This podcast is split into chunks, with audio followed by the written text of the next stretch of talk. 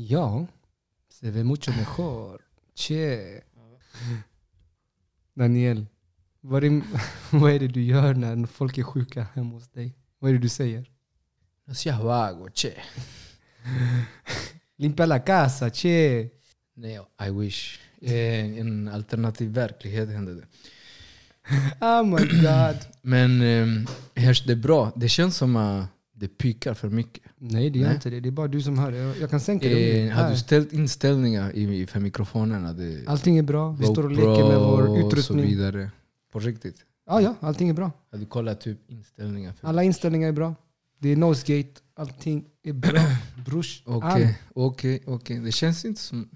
Ja, jag har också jag har en- det här avsnittet på Expressen sen jag måste spela upp. God damn vad det där kommer vara Men, eh, guld alltså. ja. Guld.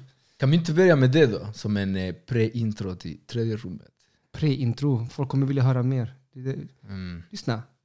Det bästa är att prata om hur argentinare Från talar. hjärtat. Kan vi bara tala ut om hur argentinare talar? Säg mig tredje rummet. Inte argentinare den mest irriterande dialekten ni någonsin har hört. Alla andra kan prata hola, ¿cómo estás? ¿Estás bien? Chilenare också. ¿Cómo estás? ¿Estás bien? Sí, yo soy bien educado, jag är bra. Chilenare kan inte ens prata spanska. Jo mannen. Argentinare ¿Cómo, bara... ¿Cómo está ahí? ¿Cómo está ahí, nej, huevón? Argentinare bara... Conche tu madre, huevón. ¿Cómo está ahí? ¿Y la polola? ¿Y la polola, po? Det där är Mapo, de Sipo, går snacka inte skit om urbefolkningen. No, po, sí, po. Men argentinare, ¿cómo estás? Che, che. Uh, Gud tar bild på mig för att jag är argentinare. Gud, che, che. ¿Cómo estás? Saluda che? la pobla, po. Och så ska de alltid ¿Cómo, prata om Messi. ¿Cómo estáis los flightes culeados en la pobla? Saludo. Colo, colo. Horrible, horrible. Horrible. Nej, okej. varför vi står och jämför våra nationella eh, skiljaktigheter är ju för att eh, Daniel har ju blivit kallad för en chilensk marxist. Och jag Wow. tänker, he wishes. Alltså, det, Alltså, det måste ha kränkt dig va? No offense, jag var marxist. Det är helt okej. Tack, Men tack för chilenare det. Chile, det, är, det är så här. Först och främst är jag latinamerikan. Senare kanske argentinare. Det är det jag identifierar mig med på grund av mina kulturreferenser och min uppväxt. Chilenare, det är mina, det är mina bröder. Men så du är stolt chilenare också då? Stolt chilenare, bolivianare, vad- det spelar ingen roll vad de Okej. kallar mig. Kolla, han ska döda skämten. Du är bra på att döda skämt. Jag på allt. Du bara, Partypooper. man vill bara ha kul och du ska du vet, ha, ha, bjud Daniel på en fest och bara säg liksom så här. Ah, du är ful. Han bara, ah, men det, det är subjektiv eh, det, det är grej. okej. Du vet, för Bara det som är får- ful för en person. Bara jag får ligga alltså. Det spelar ingen roll. Kalla mig för ful. Det där, jag borde klippa Eh. bort det där. Ey, men intressant. Magnus Ranstorp sagt de flesta är chilenska marxister som kretsar kring antirasistiska akademin. Wow. Alltså som om det vore en ungdomsgård. Alla, alla latinamerikaner som har någonsin flytt från Eh. liberalismens tyranni och mord och folkmord och våldtäkter. Eh, De hänger på ARA. Fritidsgård. Fritidsgården där. Adrian är vår fritidsledare. Shoutout till Adrian Kroklopo som driver Antirasistiska akademin. Det är en forskare. Det är nätverk med akademiker Alltså, ja. som sprider eh, eh, ja, kunskap. Mannen, han har Med mer... vetenskap till någonting populärt. Och Mannen, Ranstorp kan sätta sig Mm. ner. Adrian kan skola om honom tio gånger om han vill. lätt ja. Jesus man, det är helt sjukt det här alltså.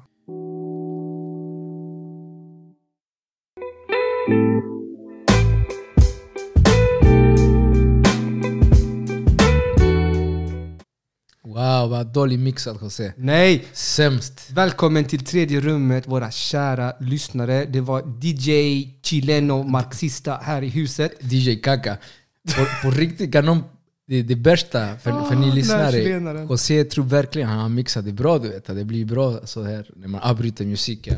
Det blir bra. Kolla, han, kan, han förstör Mikro, micken. mikrofonen, mikrofonen, mikrofon assassino här.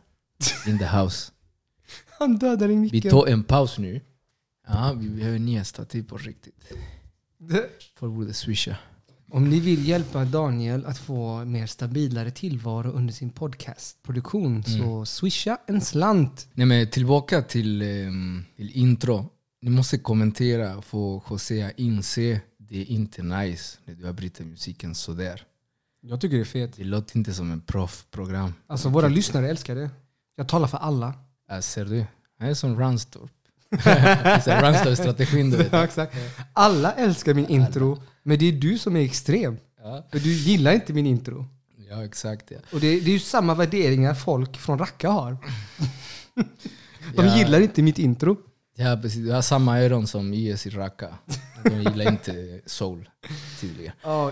Okej, det har varit en händelserik vecka. Vi tänkte vi, vi startade den här podden med att dra veckans eh, händelser och sen djupdyker vi i någonting. Och djupdyka menar jag, vi kommer skrapa på ytan. Vill ni veta mer? Gräv in i det. Look into it, okej? Var konspiratoriska, det är jätteroligt. Men eh, okej, vi har en hyresgästföreningshändelse i Västra Götalandsregionen. Kristoffer Lundberg från Rättvisepartiet Socialisterna har blivit avsatt med hela styrelsen, inte bara han, av förbundsstyrelsen i centrala Stockholm. Det är alltså de som nationellt styr. Oklart varför, ingen vet varför, de är jättehemlighetsfulla. Men de eh, har också djupa kopplingar med socialdemokratin och socialdemokratin har också tillsatt en nobody, alltså ingen vet vem han här är. Han har ställt upp. Han, inte han, han, han blev medlem för typ Mm. en månad sedan va? Han blev Det- medlem i Hyresgästföreningen en månad sedan och kandiderar till att bli ordförande för hela västra regionen i, eh, i var- Västra Götaland. Exakt, Det det var deras sjukt. utspel. Och det funkade inte och nu är hela styrelsen i västra regionen avs, eh, avsatta va? Ja. Absolut, det, är- det är en coup eller Det är en coup. mindre. Venezuela-style, Guaido-style. ja, ja, ja, shit man. Ehm, Sen har vi det här men, med... men vänt, backa där. Eh, vi kan väl ta fram namnet på denna individen då. Det var ganska komiskt. Alfred det finns också, Johansson heter Det han. finns en citat från honom som, är, som har fastnat. Men Alfred Johansson eh, kandiderar till ordförandeposten i Västra Götalandsregionen i Hyresgästföreningen. Intressant liksom. De trodde att det skulle funka för det, det, är, en, det är en svenne, en svensk kille, så här blond, eh, med- glasögon. Han ser ut som en svärmorsdröm och jag vet inte om det var det de gick på som skulle få honom vald. Jag vet inte. Alltså bror, ja. Alltså, han ser ut som en, inte ens som en hipster från Majorna, han ser ut som en snuven från Johannevär. Liksom. Ännu värre. Eh, en citat, mitt engagemang har mest varit digitalt. Jag har följt debatten på det viset. Pajas. Ey, lyssna. Jag har följt debatten eh, kring bostadsfrågan digitalt. Jag borde bli bostadsminister. Jag tycker jag har vad som krävs. Jag har karisman också. Bror, har vi inte såna här skratt... Eh, Jag vänta här. Nej förlåt, det var fel. vänta, vänta. Vilken är det? Ja, ah, den här. ett försök till KC. Fan, vänta. Det, vänta, vänta, vänta. Det, det är för att jag, du, har, du har scramlat alla de här. Laugh! Den här. gula. Okej, vi ger en take om... Nej men det intressanta är denna, den här kuppförsök från intern inom Hyresgästföreningen Ja, verkligen. kommer i en tid av kris. Du vet, där hyresgästerna och bostadspolitik Alltså de är håller på drabbade. att göras till en marknad. Ja. Inte- det är redan en marknad. Men just nu går de, går de för det som, som, som finns kvar. Det lilla som finns kvar. Som är som inom kommunen. Många kommuner vill privatiseras. Många kommunala bolag vill privatisera eller sälja ut sina lägenheter. Och de Vilket kommunala, och de personer i kommunala miljonprogrammet framförallt. de driver Mm. redan eh, hela bostadsbolagen som, en, eh, som ett Så, företag istället för en exakt. allmännyttig tjänst. Det är, ingen, det är ingen rättighet längre. Alltså jag tror för er som lyssnar på det här, ni, lite history lesson for y'all. Vi hade ett bostadsdepartement en gång i tiden. Det finns inte idag. Det togs bort av, eh, jag vet inte om det var Carl Bildt. Någon tog bort det. Av eh, Moderaterna var det när de kom till makten. Det var ett departement, precis som socialdepartementet och vet, justitiedepartementet som har rättighetsfrågor och rättsprocesser och sånt. Det var ett departement som skulle garantera att alla i Sverige hade någonstans att bo. Det var liksom det de skulle ägna sig åt som politiker. Det togs bort. Sen har man ju också sålt ut massa kommunala bolag och man har sålt ut massa lägenheter. Man ger dem till riskkapitalister och det är mögel och det är skit och det är liksom bostadsbrist. Innan var det ingen bostadsbrist. Innan var det liksom det var hyresgästbrist en gång i tiden. En gång i tiden fanns det mer lägenheter än vad det fanns människor. Liksom. Och då var det extremt billigt att bo. Var, man var tvungen att göra sig attraktiv för hyresgästerna som de skulle vilja bo där. Mm, Det var liksom lätt att få lägenheter. Ungdomar kunde lätt flytta ut och kunna eh, bli självständiga. Idag är det totalt tvärtom. Det är trångboddhet. Alltså folk bor familjer på familjer. Alltså likt Auschwitz nästan. Liksom folk sover på varandra för att kunna liksom ha en lägenhet och kunna bo någonstans. Det, exakt. Och det är också förklaringen varför ungdomar hänger på torget. För att det, det är så Det är trångt. trångt. hemma. Det är trångt. Verkligen, och det, det, det är klart det leder till annan typ av problematik. Det som är intressant är att det aldrig gått så bra för Sverige som nu, eh, om vi pratar om, om makroekonomi. Liksom. Vi pratar Exakt. om ekonomiska termer. Trots det, det har inte funnits en, en, en bostadspolitik som, som, som adresserar frågan som en, en rättighet, eller som en socialt ansvar från staten gentemot sina medborgare. Exempelvis Venezuela, José. Venezuela befinner sig eh, en av sina djupaste kriser någonsin. De befinner sig i ett krig. Vi kan inte kalla det med ett annat namn Ett ekonomiskt krig. Ja. ett krig, ett ekonomiskt krig. Inte endast ekonomiskt, det har funnits också em, Ja, ja, ja, just det. fysiska attacker. Kuppförsök och sånt. Kuppförsök efter kuppförsök. Men just nu finns det en, en pågående, en rådande ekonomisk krig som är designat för att döda folk. Som är designat för att få befolkningar att svälta. Ja, ja, det är sant. Det, det är en embargo Det är nästan lika illa som mot Kuba alltså. och det är olika typer av sanktioner. Som ger, äh, Venezuela kan inte ens ha handel med de länderna som vill ha handel med Venezuela. För att de har fryst. De kan inte använda det finansiella systemet. Nej, eh, Venezuelas guld i England är också fryst. De får inte ens ta ut sina egna pengar. Tänk er komma till banken en dag och säga jag vill dra ut mina pengar och säga nej, du får inte bror. Säpo har sagt nej. Mm. Och allt detta görs i, i demokratin namn, demokratins namn. Ehm, Sverige var väldigt tyst, till och med, nej, inte tyst, de tog parti för USA, för Trump i relation till Venezuela. Vilket är ändå Men okej, okej. superintressant. Poängen, poängen med allt det Poängen här. är att de byggt tre miljoner bostäder, sociala bostäder. Ja, precis. Alltså det Det är poängen, ja, så sjukt. Ja, du bara flöt iväg där. Bara Venezuela la revolution, carajo, Estados Unidos, yankee. Ah, viva Chavez! Viva Chavez. Nej, men Rest ja, in power. Rest in power brorsan. Men det var verkligen det som var poängen. De, by, de har byggt tre miljoner lägenheter.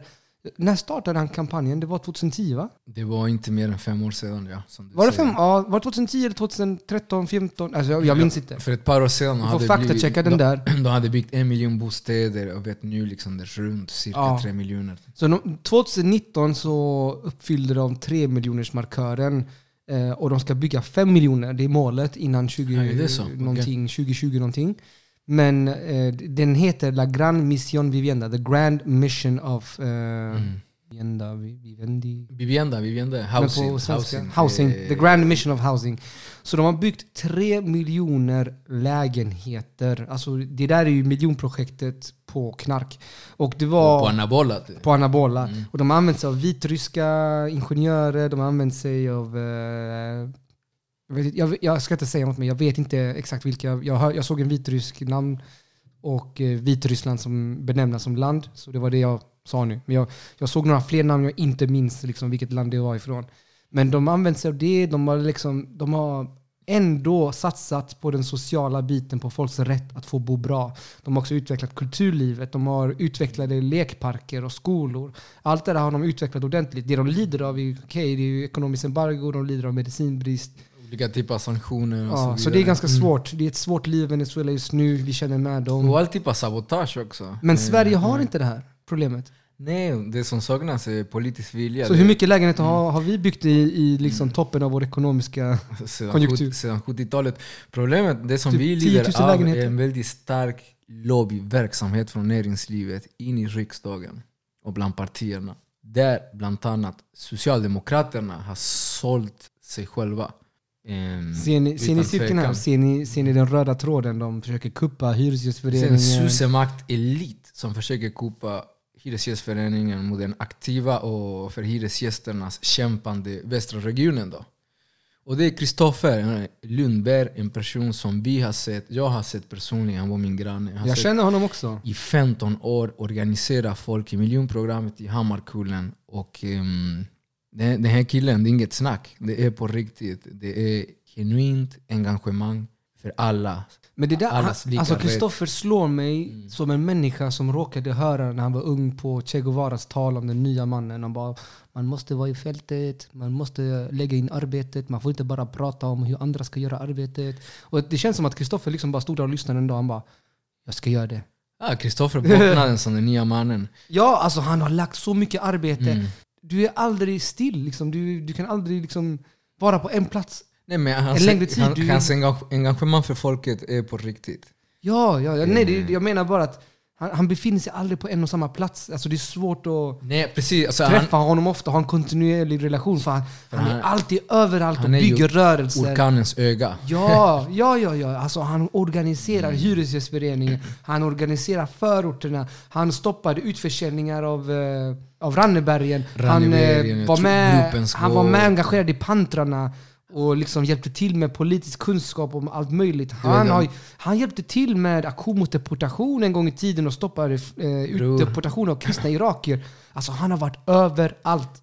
Bror, den, den, den här brodern har gjort mycket mer än många av, av oss liksom, Ja. för, eh, för invandrare och personer med utländsk bakgrund. Han har liksom varit på i andra länder och hjälpt folk liksom, till att rymma från deportationer. Han är typ och, Sveriges Eminem känns det som. Han är en del av oss. nej, fan, det, det är för lite för honom. Shoutout till han, är, Kristoffer, han, du är är, Eminem. nej, han är en civil right defender. Så är det. Ja, det är han. Absolut. Ehm. och han är vår Bernie Sanders. Du vet, han, var, han var med och drivit också kommunaliseringen av Bröfjällgatan. Som, Uff, som den vinsten också! Men som var, de, de här lägenheterna behövdes tvångsförvaltas egentligen och kommunen vägrade göra det. Men de var i fruktansvärt skick. Det var mögel, Mm. det var pel, bärande pelare som var så här söndriga. Det var ganska... Du vet, och hyror som höjs varje år. Liksom varje år det är 1,2 procent eller 3 procent. En fruktansvärd situation. Ehm, men bland annat, det som som Kristoffer, hans största brott är att han både och kritiserat förbundets ordförande som åtnjuter en månadslön på över 114 000 per månad. Oh snap!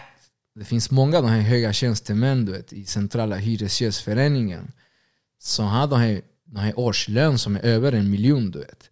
Och, eh, och de ska leda en folkrörelse som bygger på medlemmars ideella engagemang. Du själv har suttit också någon gång i styrelse på Hyresgästföreningen. Jag var ordförande. Jag, jag satt i, som ledamot kanske ett eller två år i Sandeslet. Fortsatte inte för att det kräver enormt mycket engagemang.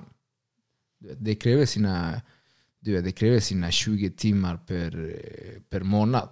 I alla fall för de som är styrelse, de som är engagerade. Och, eh, ja, men, och de här människorna tar de här, de här liksom enorma, så här, orimliga höga löner. Och de lever i en socioekonomisk verklighet som liknar mycket, som, som är mycket närmare VD på bostadsbolaget eller Poseidon än vad hyresgäster i miljonprogrammet eh, lever. Så det finns ingen relation du vet. Så jag tror man måste avsätta Tror du de bor i hyresrätt? Alltså, tror du de Marie förbund? Linder. Ja. Det absolut inte. Jag tror inte han har någon kontakt med grassrootsrörelsen. Och jag tror själva eliten, eh, direktörerna eller förbundets ordförande och sina tjänstemän, det de vill göra är stoppa grassrootsrörelsen inom Hyresgästföreningen. Alltså, det, är ganska, det är ganska ironiskt ändå att en, en rörelse har kuppats av byråkrater som vill behålla makten över den. En din lobby.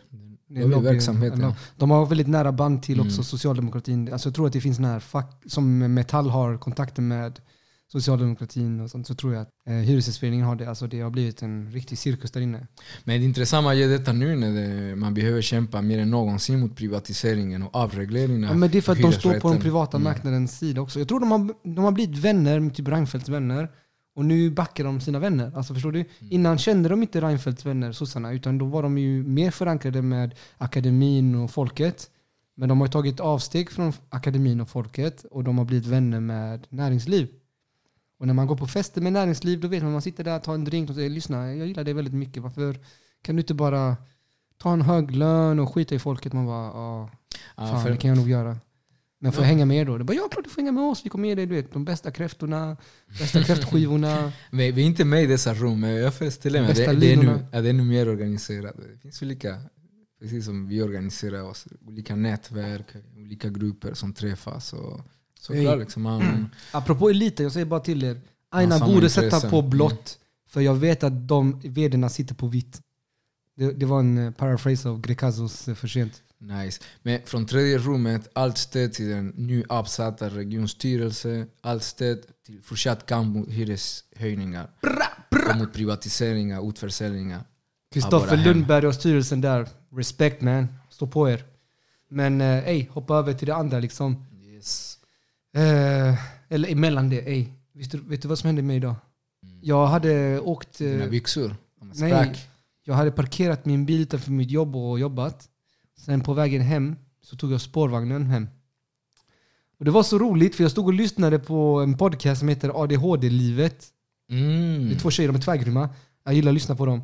De står alltså om en slump pratar just om bil och hur, du vet, hur det är att ha ADHD och eh, köra bil och hur det kan vara. Liksom, så här. Och jag, det, polletten trillade ner. Jag bara tyckte det var jättebra avsnitt. Jag bara, fan vad grymma de är du vet, för de är jävligt karismatiska, jätteroliga. Shoutout till ADHD-livet, ni är grymma. Jag kommer hem och eh, inte min son eh, på väg hem också när jag är hemma. Och han bara, pappa, var är din bil? Den är inte parkeringen. Och jag bara, fan! Vid ICA Kvantum eller? Nej, jag var hemma. Jag hade Så kommit hem. hem. Jag fick springa till spårvagnen och åka tillbaka till jobbet. Åh man, jag hade en böteslapp på min bil. Fan vad arg jag var. Men, men vadå ADHD? Jag, jag trodde mer liksom åt ADD-hållet. Vem? Du vet, attention deficit disorder. Vem? Du, Jag? jag, jag med. Du? Ja. Vad pratar vi om? Du, du pratade om ADHD. Jag pratar om ADHD-livet podcast. Ja, ah, men du har ingen ADHD eller? Alltså, jag, Inte officiellt, inte diagnostiserat. Inte officiellt, men Ja. jag vet inte. Alltså, alltså, folk har inte stått ut med mig som jag var liten. Jag, sen jag var Mm. liten har jag varit den som bankade in mitt huvud i väggen hela tiden. Vet, och Sant, mamma undrar liksom, sant. vad är det för fel på honom. Mm. Men eh, liksom, min mamma har det, jag, min son har det. Jag är, typ inte, jag är bara inte testad. Men jag avbryter mitt i samtal. Jag, eh, det, chefen har inte problem med att jag gör för lite utan att de vill att jag ska ta det lugnt lite ibland. Mm, Alltså, mm, du förstår mm, sådana mm. här, såna här Ja, problem. Du vet, för det finns, det finns en variant som heter atten- attention deficit disorder. Som är liknande som ADHD det, fast det finns inte det här eh, hyperaktiva, det här utåtriktat. Säger man så? Utåt, Ja. utåtriktat um, inslag. Du vet. Men det, det är liknande, man har den här enorma associationsförmågan. Och man har svårt att sortera intryck. Du vet. Så ja, man kan bli liksom man absorberar väldigt mycket information och man har en enorm associationsförmåga. Den är väldigt vild. Vilket kan vara ett problem ibland när det gäller liksom att hålla koncentrationen och så vidare. Men när du bemästrar den kan också vara en enorm förmåga för att det, det leder till, till väldigt mycket kreativitet. Det leder till eh, otänkbara associationer och relationer du vet, mellan saker och ting. Så det, det kan vara också en förmån. Du vet. Eh, Absolut, dessa personer absolut. har oftast liksom väldigt svårt att avklara någonting för att de har svårt att sortera information, man blir distraherad, man blir stimulerad väldigt lätt av väldigt mycket. Ja. Men eh, man vill byta liksom, miljö och så vidare. Och jag tror liksom...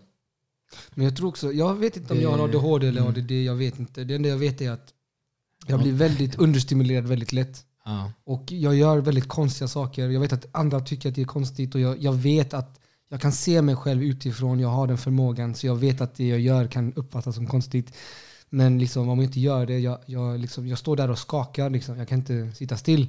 mm. Sen har jag sömnsvårigheter. Jag har väldigt svårt att sova. Mina tankar flyger runt. Och Mm. Kolo då.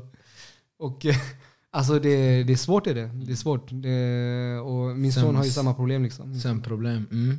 Ja, ja, ja. Och sen tänker jag väldigt mycket. Jag kan, komma på dem, sen, jag kan komma på dem så här vildaste till. Men du såg, jag pratade med... Får gå ut och träna innan du lägger dig eller gå, Jag till, borde göra det. eller gå till toan. Alltså, selfie. kolla, jag pratade med din flickvän precis, med, Ja. med Jennifer. Och det, hon står och pratar, jag får en idé och jag bara avbryter. Och det, jag ber om ursäkt självklart, men det, det, det, det är svårt. Alltså, det är svårt. Svårt. Du, vi, vi, fakt, vi, har, vi har haft en, lys, en lyssnare som har skrivit till oss eh, några gånger om just eh, när kommer ni prata om psykisk ohälsa. Om, jag tror det här kallas för neuropsykiatriska funktionshinder och så vidare i någon form av klinisk språk. Men, men Vi borde har, göra det. Det är intressant, men vi har inte den sakkunskap. Nej. Om du Alltså- lyssnar på oss, du är så välkommen om du, kommer, om du är i Göteborg och pratar med oss. Jag kan säga så här. Mm. Den, den sakkunskapen Mm. jag har är inte bara utifrån mig själv utan utifrån mitt barn som har ADHD. Och jag måste säga så här. Jag kan prata med folk om ADHD. Det är, jag är villig att lära mig så mycket som jag kan, även om jag har lärt mig ganska mycket. Jag vet att jag har också med den frontala eh, loben att göra, eh, prefrontal cortex. Att jag gör också att vi har att ADHD-människor har svårt att eh, få den här stimuli, stimulin eh, och serotonininförseln. Så att det är brist på det hela tiden. Man behöver liksom aktivera sig för att få in mer. Så det handlar om också grejer med hjärnan. Men när man kallar det för ohälsa, då reagerar jag. Eller man kallar det för funktionshinder. Mm, mm, mm. För jag tror, då måste man ha också en sociologiskt öga på det. Alltså i samhället, vad har det för relation till samhället? På vilket sätt är det en ohälsa att vara en människa som kan göra väldigt mycket på kort tid? Varför är det en superkraft att, vara, att bara kunna ett språk och bara kunna vara deppig hela tiden? Jag tycker inte det är en superkraft. Jag tycker det är en superkraft att kunna göra mycket väldigt snabbt och kunna prata olika språk och kunna vara över hela världen och liksom vara glad överallt. Men det anses inte det som det. Det anses som att nej, men du har problem att sitta still, därför är du ohälsosam. Mm. Jag tycker också man måste behålla ett kritiskt eh, perspektiv På- till vad som är ohälsa. yes, yes, Det är absolut. ohälsa om majoritetssamhället tycker det. Låt mig säga så här. Om man har ADHD och man inte, om man har svårt att lyssna på någons bullshit i en timme, man kanske bara kan lyssna på bullshit 20 minuter. Ja, försöker. det är ju inte ohälsa. Sunt förnuft. Det har att göra med att vi har olika toleranser bara mot kallprat och skitsnack. Och det är inte så man lär sig. Det där är industritänk. Alltså att vi ska sitta ner, räcka upp handen om vi har en fråga och hoppas på att vi får tillåtelse. Det är en underkastelse deluxe. Och inte alla människor är byggda på samma sätt. Absolut, men det, det har väldigt med att göra med, det, med organiserande system. Du vet, och det systemet, det samhället som ska organiseras måste på något sätt eh, underordnas under en större syfte som är att producera. Ja, och blir man bedömd Ehm. utefter hur man producerar, självklart så kommer alla vara sjuka som faller borta från produktionsmålen. Mm. Det, det är som de säger, if you judge Och då pratar vi i A- a fish. kapitalets... eh, Ja, men lyssna. Om man, om man, om man, if you judge a fish. Mm. by its ability to climb a tree, it will live its whole life believing that it's stupid. Du det finns Och det en, tror jag har att göra med neuropsykiatriska funktionsvariationer. För det har inte med hinder att göra. Det har med att man är varierande och neurotypiska människor, precis som patriarkatet, precis som rasismen, neurotypiska människor ska också definiera vad som är normalt. När normalt är ett väldigt dogmatiskt, fanatiskt, extremistiskt sätt att se på saker. Det är totalt det extrema, ja. Det stämmer. Håller med. Det finns, jag tror faktiskt Michel Foucault har skrivit eh, en hel del kring det här ämnet om psykisk ohälsa, psykiatrin och på något sätt hur man organiserat samhället på det sättet. Som ett sätt att disciplinera och sortera människor på olika sätt. Skapa makt, Ehm, asymmetrier. Underkastelse. Det, det vore superintressant om någon som är påläst i relation mellan psykiatri, makt, Shoutout. kan komma till tredje rummet och Skola oss gärna. Jag tänker vi kan lära oss tillsammans. Eh, Verkligen, verkligen. Och tala om detta, för att det finns ju också, vi kan utbyta perspektiv, självklart. Alltså, det är inte så att man går runt och mår tipptopp hela tiden när man är high and low exakt hela tiden och samtidigt. Men det har också att göra med att samhället ger oss en känsla av skam och när de gör det, jag är den som säger fuck samhället då. Jag, jag är inte den som tar åt, jag vill inte internalisera, jag gör motstånd mot sånt. Jag vill inte internalisera den bilden av mig själv. Jag har redan internaliserat att jag är invandrare, att jag är farlig och antagligen kriminell och kommer slå alla i min väg bara för att det ligger i mina gener. Det är det sven- svenska samhället säger till mig hela tiden. Och att jag aldrig kommer klara mig i skolan, jag kommer bli luffare och jag kommer hamna i fängelse och sen kommer jag bli utvisad. Trots att jag är född där. Liksom, jag behöver inte internalisera en skitsak till. Och inte för mitt barn heller. Så jag, jag lär mina barn att vet, det är en superkraft. Det vi ska göra, vi ska träna hårt, vi ska liksom hitta sätt att kanalisera det på. Men. Mm. men aldrig, men det, det är allas kamp att bemästra sig själva. Det finns folk Mm. Exakt, utan ja. funktionsvariationer Som inte lärt sig. Ja. som är neurotypiska och ändå inte kan upprätthålla ett lyckligt liv. De kan tjäna mycket pengar, men till vilken nytta? De är ändå ensamma. Förstår du? Mång- ja, det handlar om Så vad är lycka egentligen? Mm. Vad är lycka? Alltså, först måste man definiera de här sakerna. Vad är lycka? Vad är kontroll? Vad, vad är hälsa? Mm. Vad är lyckan just för dig? Ja, precis. Innan du går in på vad psykisk ohälsa är, vad lycka är, vad kontroll är. Alltså, snacket om du inte ens vet hur det ska definieras. Ska vi Ja. definiera det utifrån från vdn från Hyresgästföreningen? Den, den kvinnan är olycklig. Hon går runt och har hela världen som fiende bara för att hon vill samla på sig pengar som en drake.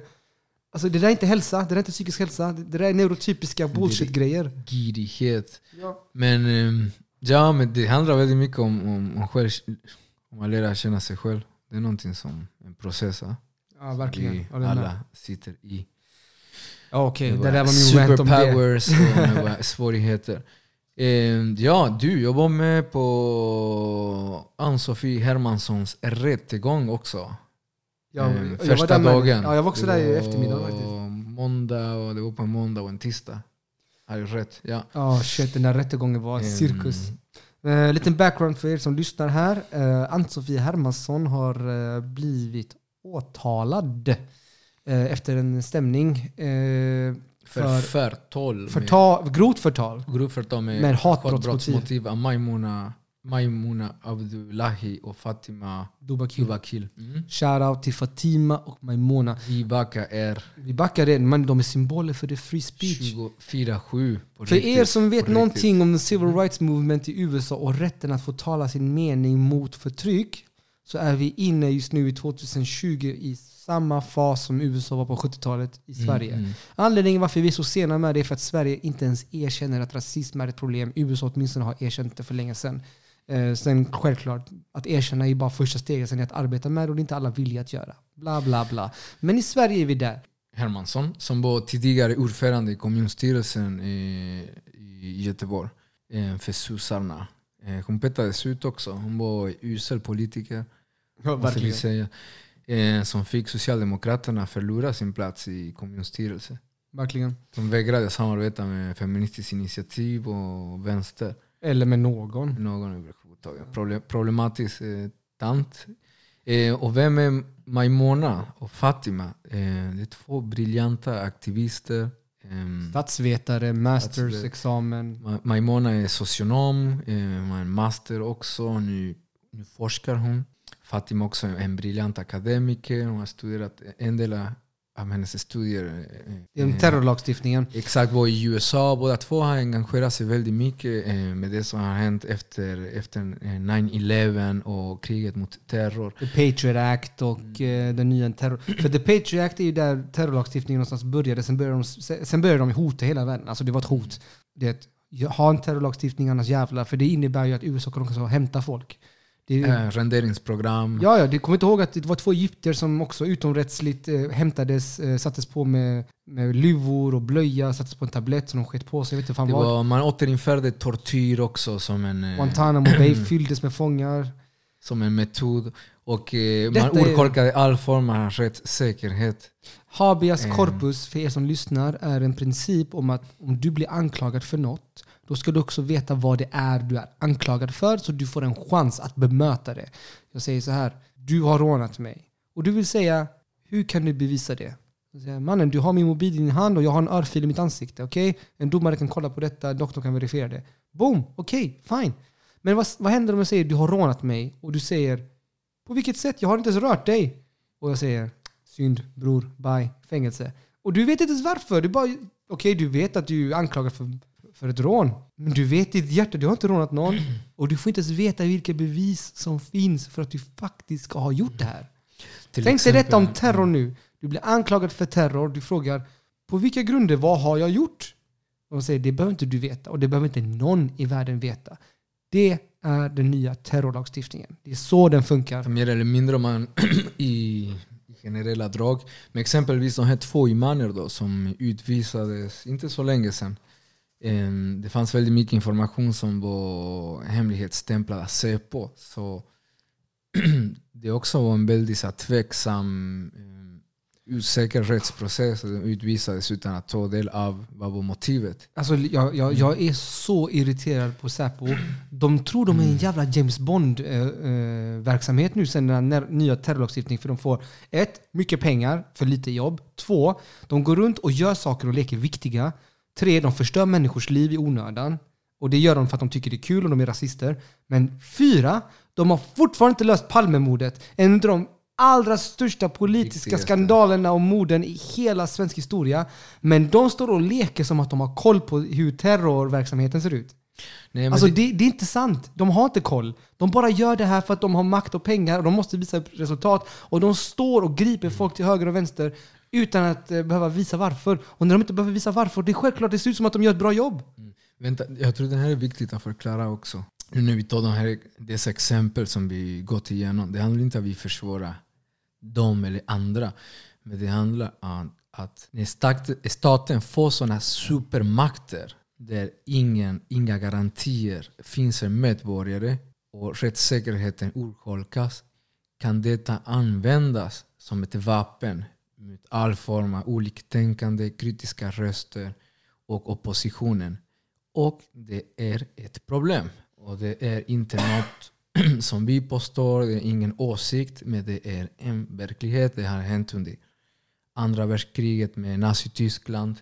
Det hände också under hela 70-talet. Eh, under I många av de diktaturerna som vi haft i Sydamerika. Många av oss är exilier, eller är barn till exilier. Eh, på grund av det som Ja, hände ja. en gång i där. Vi tiden. blev kallade för terrorister redan då. Vi vet vad det innebär att bli kallad Våra terrorist. föräldrar kallades också för terrorister och i Chile exempelvis Argentina. Alla som hade någon form att eh, Eller bara hade röstat bror. Det räckte Nå- med att du hade röstat. om du hade någon form av association med någon form av vänsterparti, syndikat, form av organisering som klassades du som terrorist. Därav de här frågorna är otroligt viktiga och de här kvinnorna har engagerat sig. Och det är ingen hemlighet att det finns geopolitiska intressen i Mellanöstern. Det är ingen hemlighet att eh, exempelvis eh, Irakkriget gjordes på tveksamma grunder. Man har aldrig hittat några mass, massförstörelsevapen eh, vapen som man påstått. Och det är lögn efter lögn som kommer fram. Och vi ändå fortsätter tro på det. Eller jag försvårar Alltså, de som förtrycker oss. Det är otroligt. Jag har sett sådana här Mm. dumma SD-are som tror att det var Irak som orsakade 9-11. I alla fall, det, Det, var det, det, var ju, det var ju dit USA gick sen. De bara gick till Irak. Ja, Och bara, ja men de, de störtade ju de två tornen i 9-11. Ja. De råkar ha mycket olja också, De precis som Venezuela. Jobb. De tar våra jobb. Ja, ja, det är helt sjukt. Men- alltså de här bisarra argumenten ibland man hör från folk. Shit. Du vet, och det här med tortyr, det finns en svensk dokumentärfilm som var väldigt så här, in- internationellt. Det var en succé. Det, eh, det heter Gitmo. Eh, Gandini och Tarek. Fantastiska filmskapare. Som, som gjorde denna film då, Gitmo. Ni kan, ni, kan, ni kan titta på det. Så det var Maimona Fatima engagerade sig inte alls olika från det här som vi pratar om. Och det, inte, det, Och det är betyder deras- bara att det är ett större sammanhang som har funnits länge. Alla har ifrågasatt den här lagen. De är inte unika. Det enda som, Nej. det är något som gör dem unika i svensk kontext är att de, de råkar ha hijab på sig när de gör det. De är kvinnor, de har jihad, de är, de är muslimer. Så det betyder liksom att villkoren är inte samma för alla som vill kritisera systemet. Men det är också där som är intressant. Att kritisera systemet har blivit så tabu nu för tiden. För jag kommer ihåg i 90-talet, man du vet, hade den här Heal the world, make it a better place. For you and for me and the entire human race. Okej, då var alla väldigt självkritiska. Bara, vi måste ta bort fattigdomen i Afrika. Vi måste ta bort rasismen. Vi måste alla bli mer toleranta. Men det var bara skitsnack. Kolla nu. Alltså nu är man stolt att man plundrar barn i Afrika för att kunna få bättre iPhones. Man försvarar hela marknaden och det kapitalistiska systemet som är orsaken till att barn är slavar, till att människor fängslas, till att billig arbets, eh, arbetare eh, i Latinamerika blir piskade och dödade och svälter medan de står och producerar avokados för, för Sverige. Så, det, det är De försvarar det. Ja, ma- makten behöver inte ljuga som tidigare. Liksom. De visar sin sanna ansikte. Vi har Trump i USA, vi har liksom Bolsonaro i Brasilien, vi har haft Macri i Argentina, vi har, Johnson, vi, Boris, vi, vi, har, det vi har Piñera i Chile som, Ja, ja, som Boris- vägrar avgå exempelvis. I England och Brexit. Alltså det, det, är en, det är en sån vind där man vill återta den här nationella stoltheten i att vara förtryckare. Ja, och det, att känns, det finns en stolthet i det. mm. det är som att makten liksom, från, att vara, från att försöka vara osynlig har, liksom, gått till att bli transparent. Vi kan se den. Men det är också ett sätt att bli osynlig för att det blir en del av sundförnuftet. Det normaliseras. Och det är ett annat sätt att osynliggöra sig själv. Och nu när man efter Ann-Sofie Hermanssons eh, rättegång, platsen som alla stora dagstidningar har gett till de här fanatiker och extremister som Ranstorp, Ja, Johan. Lundberg, Shit, eh, visa kanske alternativ höger håller på att bli det nya centrum i Sverige och normaliseras. Eh, och det är intressant för att de får inga motfrågor, det finns inga, ingen form av granskande journalistik, ingen ifrågasättande. Och man undrar, om de, man undrar hur mycket makt och inflytande de har i medien och på det sättet hur mycket makt och inflytande de har i den allmänna opinionen. Jag tror den är väldigt stor. Att den är väldigt farligt också. Alltså om, eh, Mm. om Sverigedemokraterna och de här fascistiska, auktoritära, konservativa idéerna blir normaliserar det som att det vore en, en centeridé, då kommer Moderaterna och sossarna se ut som vänsteralternativ.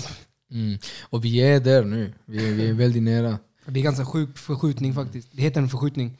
Men det är intressant intressant att folk tvekar på, du vet, på den här rättegången och på om det var rättvist från att Maimona Fatima stämde Ann-Sofie- Hermansson. Och det är intressant liksom hur makten, när den artikuleras tillsammans med, med mediala krafter, kan få folk att tveka om det mest självklara. Och de ljuger. Jag har läst massvis med ledarsidor och debattartiklar. Folk ljuger och det är det som vi måste uppmärksamma. Alla får det att låta som den här rättegången handlar om Ann-Sofie Hermansson. Råkade jag kalla de här två kvinnorna för extrema röster. That's it. Du vet. Och folk tänker, oh, men vad extrema, det finns ingen yttrandefrihet, kan vi inte uttrycka oss och så vidare. Det handlar inte om det, det handlar om en systematisk förföljelse under mer än ett halvår där Ann-Sofie Hermansson har återkommande gånger jämför de här kvinnorna med islamister, terrorister, associerat dem med, med IS och sagt att de har samma värdegrunder. Och detta har artikulerats med tankesmedjor som Timbro och andra mediala plattformar i diverse ledarsidor. Um, vilket har haft enorma konsekvenser för dessa två individer som är två kvinnor som är akademiker, som, som har familjer och så vidare. Och som redan, för att bo, tillhöra synliga minoriteter i Sverige, är redan en måltavla för rasismen. Nu blev de en måltavla även för grupper med ännu mer makt än några MNR och andra typer av militanta nazistiska organisationer. Eh, vilket sätter dem i en väldigt svår situation. Och att kallas för extremist, att jämföras med IS i dagens klimat, du vet, i en post 9-11 tid, är inget skämt. José. Nej, nej, det har ju verkliga konsekvenser också. Alltså hur folk ser på dig, vilka Mm. arbetsintervjuer du kommer få gå på. Alltså. Men saken är, det värsta är Mm. att de har försvarat detta. De har inte heller nekat det i rättegången. De har verkligen gått in i det här. De börjar försöka definiera att de är extremister på grund av att de, för, på grund av att de är stolta att just rasister hatar dem. Så här, Rasisterna hatar er, vad säger de om det? Och de bara har sagt så här, ah, men jag tar det som ett stolthet. Och det, Mm. och, de, och, då, och det tycker de är ett exempel på att de är extremister. Alltså, Nej, det har det- gått så långt Mm. att vi skrev ett upprop. Jag, jag skrev en, en text här som vi gjorde ett upprop på för tredje rummet. Där vi backade Maimona och Fatima, eller hur? Vad, hände, Yes. vad var effekten av det? Vi drabbas av samma sak. Inte samma, Ja, Inte, med, inte exakt inte samma, samma kraft. Med, kraft. Men det intressanta var att Björn Söder från Sverigedemokraterna, vice talman i riksdagen, delade min, eller vårt upprop här på tredje rummet och hashtaggade backa Hermansson. Det är inte... Ja, Backa Ann-Sofie. det, det är Sverigedemokrat. Ja, alltså det var Kan du inte läsa inlägget då? från eh, Ranstorp. Ranstorp. Men, men det, det som blev väldigt tydligt efter den här debattartikeln och strategi de haft, eh, Johan Lundberg var nu i Expressen eh, också, använde samma strategi som bygger på två, det, det, fin, det, det finns två pelare i den här strategin. En ena pelare är lögner, man ljuger, man skapar en, alternativ verklighet. Och den andra är man extremiserar kritiska röster. Istället än att möta dem i en ärlig politisk debatt, man ger dem till extrema röster. Det vill säga man flyttar diskussionen, eh, konflikten från den politiska planen till en moral dimension. Där man ger de andra till fiender. Vi är deras fiender. Och dina, när vi pratar om andra i, i egenskap av fiender så då är vi inte längre jämlika. Då en fiende kan du, upp, kan du radera ut. Precis. Oavsett vilka medel du använder. Liksom. En fiende ska Farliga. raderas och suddas bort. Så det finns, eh, och det är grunden i all form av fascistisk politik. Alltså tänk att Magnus Ranstorp från Försvarshögskolan, Mm. en självutnämnd Fucking forskare clown, eller någonting, jag vet inte vad han är. Alltså han är, han är ju ingenting egentligen. Skriver bra att Johan Lundberg synar lite kotteri. Postkoloniala identitetspolitiska aktivisten som går i armkrok med MMRKs Fatima Dobakil och Maimona Abdullahi. Flest... Ursäkta. Flesta är chilenska marxister som kretsar kring antirasistiska akademi. Bara pinsamt påstå ett hav. Alltså, lyssna här. Min amigo här är argentinare. Jag, jag, jag är chilenare, alltså knappt chilenare. Jag är typ född i Sverige. Eh, Antirasistiska akademin är inte skapat av chilenare. Alltså det är bara väldigt rasistiskt att säga egentligen. Alltså, get your facts straight. Om du vill kritisera någon. Du bara bevisar vår poäng. Så ja, men, men, men, men du ser strategin är precis detsamma som Ann-Sofie Hermansson. Det vill säga man vill inte skapa en politisk debatt för man hade förlorat det. Om man var ärlig med sin politiska agenda. Så man måste förflytta konflikten till en moralisk dimension. Eh, Det är, ganska, det, är det är ganska vanlig strategi. Vi borde vara mer eh, uppmärksamma på detta. Och det är grunden i all form av fascistisk politik. Eh, Det som var intressant var att eh, under rättegången, Ann-Sofie Hermansson, som jag trodde tidigare, jag trodde verkligen, ärligt, ja, du vet, tidigare jag trodde Ann-Sofie Hermansson är liksom en förvirrad tant. Du vet, som, hon är förvirrad, hon är så här, felinformerad, hon är arrogant, hon har attitydsproblem och så vidare. Men that's it. Jag visste inte att hon var så insyltad i Timbro. Ja, alltså. Eh, jag, vill, jag vill att Mm. alla ska minnas att vi hade en podcast en gång i tiden med Chato Ramirez. Och där Ja, jag sa? Mm. jag sa, och jag citerar, märk mina ord, detta var sommaren 2019. Ann-Sofie Hermansson kommer bli upplockad av Timbro. Det var mina ord. Gå in och Mm. lyssna på det avsnittet med Chato Ramirez om, eh, om teater, om pjäser och filmproduktion. Alltså det är jättecoolt. Om Hammerhill Click också. Jättegrymt. Och där sa jag det. Där, där droppade jag den. Så, så alla hennes experter eller vittnen som hon tog med sig eh, var kopplade till Timbro på ett eller ett annat sätt. Ranstorp exempelvis, Johan Lundberg som är eh, litteraturvetare på Stockholms universitet. Han driver någon form av stiftelse som heter Doku. Och han, han drar ju samma linje som Magnus Antorp. Alltså lyssna Ja, på det här. de, de jobbar tillsammans, men lyssna på det. På det här. Alla dessa har fått också betalt. De får betalt för det här. 15 000 kronor var och en. De är giriga. Men lyssna på det här. För det, detta handlar ju om mig. Han, han namnger mig, inte namnger, men han nämner Indirekt indirekt mig och mina vänner här. Lyssna här. på tredje rummet. Från olika Allmänna arvsfonden, Folke Bernadotte, Folke Bernadotte-akademin, eh, Det här är Johan Lundberg. eh, det som tidigare hette Ungdomsstyrelsen och så vidare. Eh, Och och de har ju fått de här bidragen under på något sätt täckmantel av att ägna sig åt antirasistisk eh, verksamhet. För egentligen gör vi någonting annat. Men när man lyssnar på de här grupperna tycker jag så handlar det väldigt mycket om vita mot svarta, att en flykting från Chile har på något sätt Ja. samma intressen Shoutout som en mig själv. somalier mot svenskar på något sätt. Vad, vad, vad, kan du förklara ideologin bakom? Nej, alltså jag har ju... Min, mitt intryck är ju att det egentligen är något sorts, eh, marxist-leninism som, som eh, är den liksom yttersta ideologin egentligen. Om man ser på den här antirasistiska akademin till exempel som många av de där figurerna tillhör och som där de liksom blir intervjuade. Eh, Alltså okej.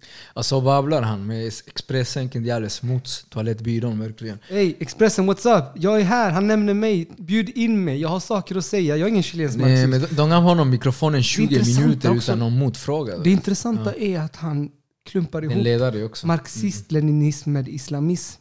Och jo, Som om det vore kompatibelt. Nej, inte endast. Det är också med, med queer-aktivismen och så vidare. Alltså det här är väldigt inkompatibla ideologier. Så, alltså, Men det handlar inte om islamism, precis. Det, det de försöker göra. alltså är- om man tar dem till sin, om man använder hans begrepp och tar dem i verkligheten, alltså marxist-leninism. Alltså de, de har ju, inte de, inte individerna som följer sådana här ideologier. Det finns ju black marxism, det finns många varianter. Men hans idé av det, det är att kommunism på något sätt och islamism går hand i hand. Och det gör de verkligen inte. Men det, det de gör exempelvis är eh, all form av kritisk, kritik ska göras till extrema röster. Så folk, att skapa en tvivel hos folk. Ja, ja. Du vet, Men till att ta de, position.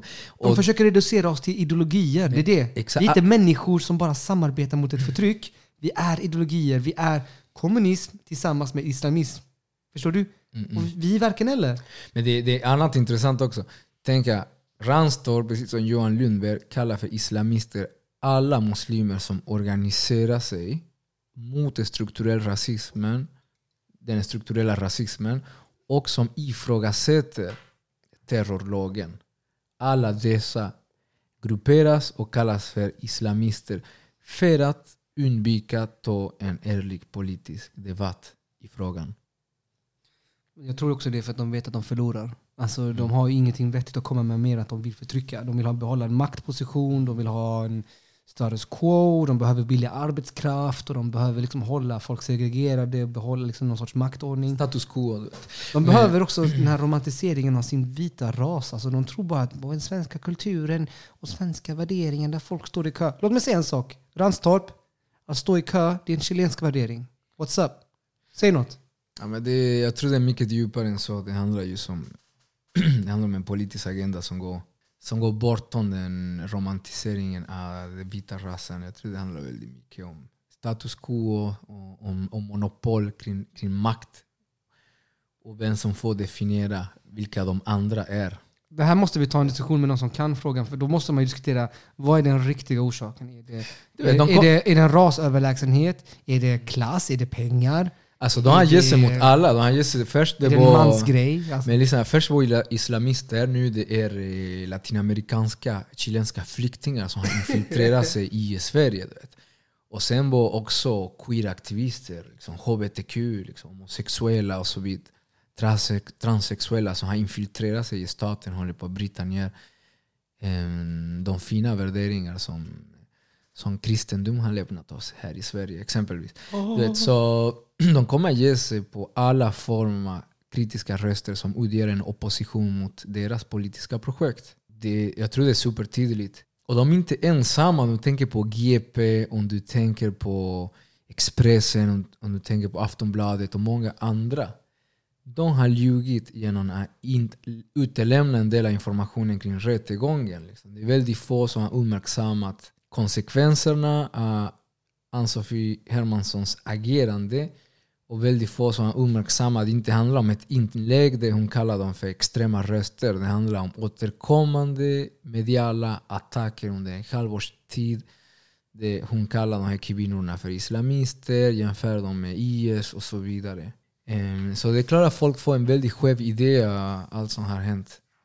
Alltså det är sjukt där. Men det är ändå roligt för jag tycker det, det bästa som kunde hända var att de svarade. Man såg kopplingarna där. Timbro, Doku, SD, eh, Hermansson. De backar alla Ann-Sofie Hermansson. Det var jättekul att se att Fågelklo från SD, eh, Björn Söder från SD, någon Johan från SD. De bara omfamnade Hermansson. Hermansson och all, hela deras svanskår också. De här, de här banjoarmén du vet som har ding ding ding ding ding ding du vet, De bara Åh hej yeah, Hermansson! Ding ding ding ding ding Alltså jag sa bara Tack så jättemycket. Jag bjuder på den. Jag är här hela veckan. Ja. Men jag svär på allt alltså. De, Eh, men det, de kan alltså, lyfta. Det är så här också deras Du fanatiska bättre- armé. Ska vi snacka Hermansson, du fanatism? är bättre kompisar. Ska vi snacka fanatism? Om en Björn Söder säger att en sosse är okej, Wow. då är en sosse okej. problem. Då kommer hela armén bara dinga dinga ding. Och bara Ann-Sofie Hermansson, ja! Alltså det står det, då kommer åh Ann-Sofie Hermansson, hon är så reko. Hon är, Nu ja. älskar vi sossarna för Björn Söder sa det. Ja, hon är en du? avara. Men det, det vore inte konstigt om hon eh, slutar på blir en del av Sverigedemokraterna. Jag tror hon, be- det behövs inte. Eh, tror inte man är lika hemska ändå. Och inte om man har en ny tankesmedja som Oikos, då kan man bara ingå där. Och inte behöva... Oikos är en perfekt tillfälle. Det finns en ny tankesmedja som SD har eh, Ja, startat. det, det finns en ny, Och där- mer knäck för dig Hermansson. Där kan man vara utan att bli kallad för sverigedemokrat. Ja, men, ej, på tal om knägg. Du hörde denna pajas också fick eh, jobb som expert förebyggande arbete inom kommunerna när det gäller gängkriminalitet. Ja, Hermansson va? Alltså det är helt otroligt. Alltså, un- undrar liksom vad kriminologer, ehm, vi behöver Szlarek Molinari här. ja, eh, samhällsvetare och andra tänker om det här. Ni kan skriva era kommentarer till oss så kan vi, eh, kan vi prata om det i nästa avsnitt. Era analys. Varför just Hermansson blir expert i denna fråga. Varför? Expert. Du, du gillar den knappen va? Ej, Det finns ingen annan knapp du gillar bättre. vill vill du höra något roligt? Hermansson. Nej men, Ja men det, det är dagens fråga. Ja, eh, våra kanaler är alltid öppna. Ni kan DM oss på Instagram, på Facebook, på... Okej, inga andra kanaler egentligen. Okej, men det är, det är ändå kanaler. Hallå! Ni kan skriva där Yo. eh, vad ni tycker. Alltså, does this make sense? Det är nog dags att börja prata om eh, förortens eh, situation här. Vi behöver rusta oss mot eh, utförsäljningar, mot poliskontroller, mot... Eh, vänta, vänta, vänta. Avreglering av hyresmarknaden. Eh, och eh, hembesök. Nej, hembesök. Vad heter det? Vad är det polisen gör? Husrannsakan utan misstanke om brott just i förorten. massiv eh, bevakning. Bevakningssystem och eh, Säpo som är där och härjar och ska ta muslimer till höger och vänster. Och sen snart kommer säkert chilenska marxister också. Eh, clowner som Johan Lundberg, Ranstorp. Ann-Sofie Hermansson, hela Timbro-svansen och så vidare som koppar det offentliga samtalet och extremiserar, stigmatiserar oss och ger oss till Okej, jag vet hur svårt det är att vara liberal medelklassperson och att ens liv är hårt. Men liksom, sätt dig i våra skor en dag. Tror du det är lätt att bli stannad för det ena efter det andra, bli ifrågasatt efter det ena efter det andra och att inte ens kunna uppvisa samma pondus eller patos utan att bli ifrågasatt som en uppstudsig invandrare? Att man borde vara tacksam att man är här. Lyssna, för det första, arkitekten för Chiles diktatur fick Nobelpris här i Sverige. Sverige gillade människoslakten i Chile. den prisades. Vi kom hit för att vi var tvungna att komma hit. Min mamma ville inte komma hit, men om min syster skulle överleva var vi tvungna att komma hit. Vi är inte glada för det, men lyssna, det här är mitt land. Ranstorp, vän dig. Ni kommer inte bli av med oss. Ingenting ni gör kommer bryta våra själar. Våra själar har stått ut i över 600 år av ert skit. Liksom, jag känner piskan i min, i min rygg från generationer. Tror du att lite, lite så här, kinesiska marxister, tror du det stör mig? Du kan kalla mig vad du vill. Alltså det är sånt där som sårar dig bara. Det är sånt du drömmer om när du ligger och sover. Bara, jag ska kalla kinesisk marxist. Det kommer han säkert gå loss på. Så lyssna. Förorten, det är dags att organisera sig. Det är allt jag säger. Bom. Det är allt, det är allt jag vill gå ut med här. För att avsluta, ehm, vi har en Facebook-sida. ja? Eh, tredje rummet på Facebook, eh, tredje rummet också på eh, Instagram. Vi lägger ut lite mer memes och lite mer skit på Instagram, men lite mer politiskt på På podden. på, på podden och på Facebook. eh, Där delar vi lite mer artiklar och grejer. Yes, en, det kan ni lyssna på, på hela intervjun med, med vad heter denna clown då? Johan Lundberg. Lundberg. Ja. Lundberg. Lundberg. Ehm, ja, den är intressant. Lyssna på den. För att ni, jag tror det, det talar för sig själv. Och han avslutar också med någonting väldigt konstigt som ett attack mot intersektionalitet. Hon pratar om intersektionalitet viktigt. som Ja. du vet, det är nästan som latinamerikanska spioner och infiltratörer på något sätt har lyckats Nej, men- intersektionalitet till akademin, Jag tror till staten, kommunen och landsting. det är det nya Al-Qaida. Och det är en farlig ideologi. Och han eh, krigsförklarar mot all form av kritiskt arbete inom staten, kommunen, landsting, den offentliga sektorn och akademin. Och säger det, det mest akut, akuta, den främsta är att ta bort den typ av praktik, teori och kritik från dessa platser. God damn. Ja, det, det, det vi pratar är ren fascism. Det finns en fascistisk agenda hos dessa karaktärer. Ja. Eh, det är inte någonting som vi säger, det är någonting som de själva säger stolt och ni kan läsa mellan rader. Fan broder, Mm. vi får, eh, vi får liksom brainstorma kring detta. Brainstorm. Vad ska vi göra mannen? Ska Men vi bror, flytta alltså, till Portugal? Du, ja, shit. Det, det, det är en dilemma. Jose. Du, du pratar väldigt mycket om miljonprogrammen, måste organisera sig. Och du, jag har bott i Sverige nu i 15 år och um, um, största delen av mitt liv liksom, har, engang, har gått till att engagera mig i samhällsfrågor. Um, socialarbetare, socialt arbetare, jobbade tidigare med ungdomar som hade missbruks och beroendeproblematik. Eh, I flera år har jag jobbat framförallt med svenska ungdomar. Och för mig det var en kärleksförklaring till den platsen som, som, som livet gav mig. Jag, olika omständigheter i livet så hamnade jag här i Sverige och, och behövde stanna för att fostra min, min dotter. Och vad kan man säga? Liksom? Man planerar och Gud skrattar. Och um, idag så, så tvivlar om, om mitt engagemang väldigt mycket. På vilket sätt eh, tvivlar du? Det känns vet, ibland som ett... ja, Jag kan få en sån overklighetskänsla ibland. Du vet, om, att, eh, om att älska någon som, som, som inte älskar dig tillbaka. Vet. Ja, det är det värsta. Om, om man lägger så, så mycket av din tid till att hjälpa svenska familjer, svenska ungdomar till att försöka, um, när det gäller aktivismen och det ideella engagemanget, till att få kanske en säkrare rättsstat, starkare medborgarrättigheter. Och det, är, det är inget annat än kärleksförklaring när vi försöker liksom bygga upp ett land.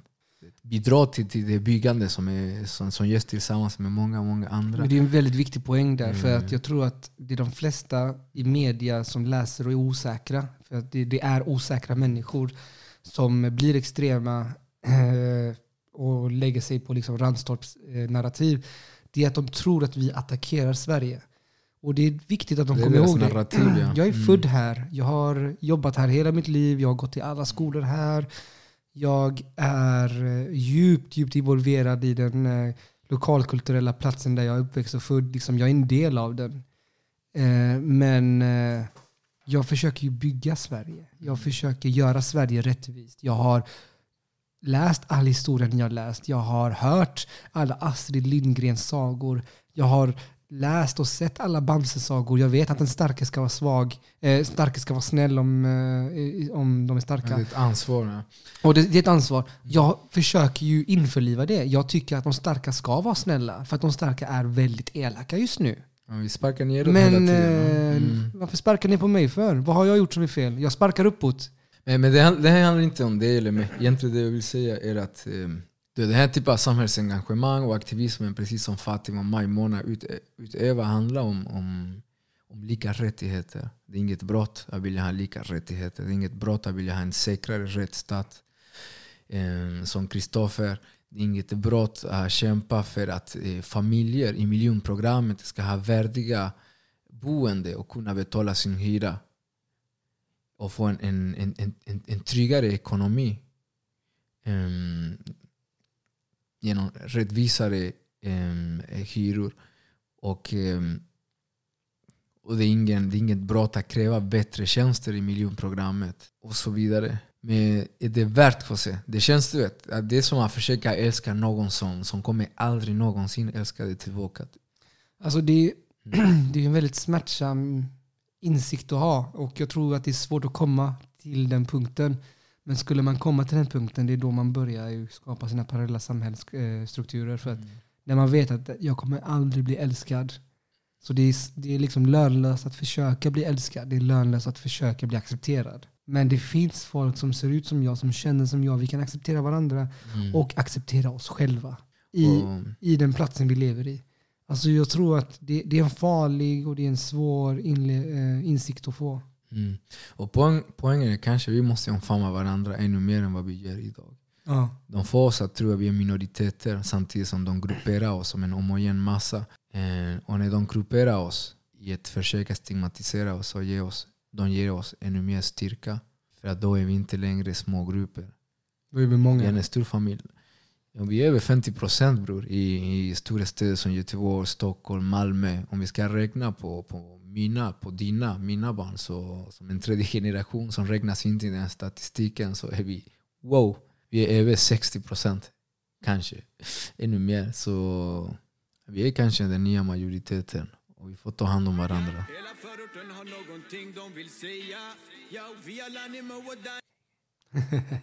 Fattar ni? Hela förorten har någonting de vill säga. Fattar ni hur dålig han mixar? Hey, fuck it. Du bror, sången. jag måste dra nu. Eh, jag måste hem. Men fan brorsan, tack för det här samtalet. Och tack till publiken för att ni lyssnar. Så underbart att ha er med oss.